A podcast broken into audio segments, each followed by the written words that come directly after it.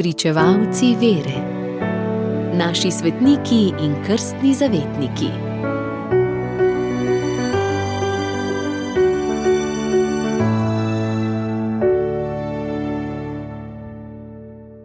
Danes zgoduje sveti Vincenci Romano. Ljudje so ga že za časa življenja imenovali svetnik, to da ne zaradi nauka ali čudežev, ampak zato, ker je v resnici kazal, kako je treba božjo ljubezen in ljubezen do bližnjega uresničevati v življenju. Ta duhovnik iz Torre del Greca pri Neaplju se je rodil 3. junija 1751. 14 leti je vstopil v neapeljsko semenišče, kjer ga je med drugim poučeval tudi sveti Alfons Ligvori.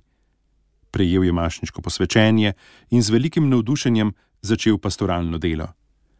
Skoraj 40 let je ostal v svojem rojstnem mestu, najprej kot kaplan, po letu 1799 pa župnik.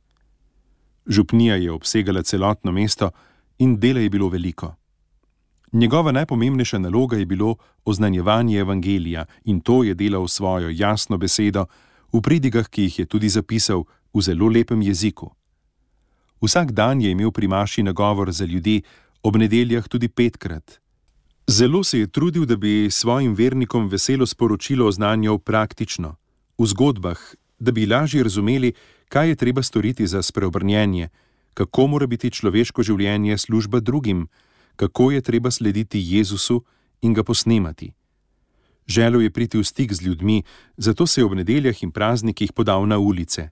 S križenim v roki je hodil po mestu, zbiral ljudi na križiščih, srečanja pa so se končala v cerkvi.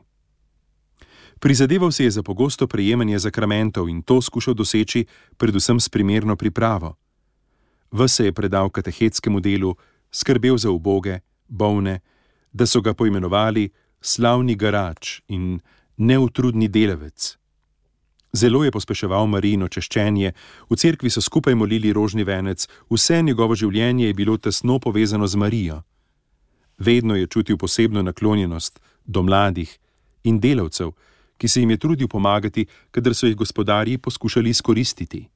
15. junija leta 1794 je izbruh Vezuva uničil skoraj celotno mesto in župnijsko crkv.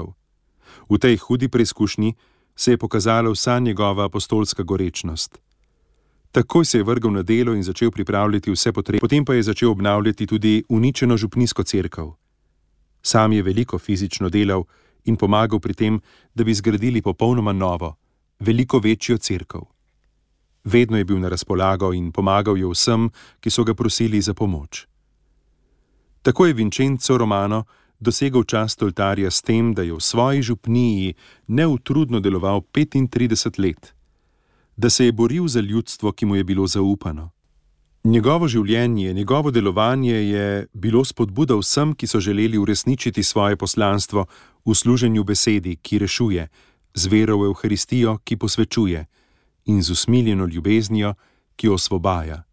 Umrl je 20. decembra 1831. leta v svojem rojstnem kraju, kjer njegovo telo čaka na ustajenje v baziliki Svetega križa.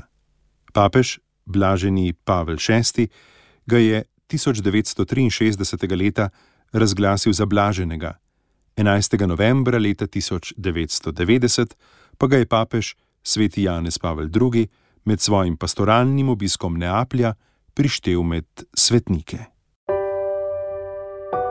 Radio Ognišče, vaš duhovni sopotnik.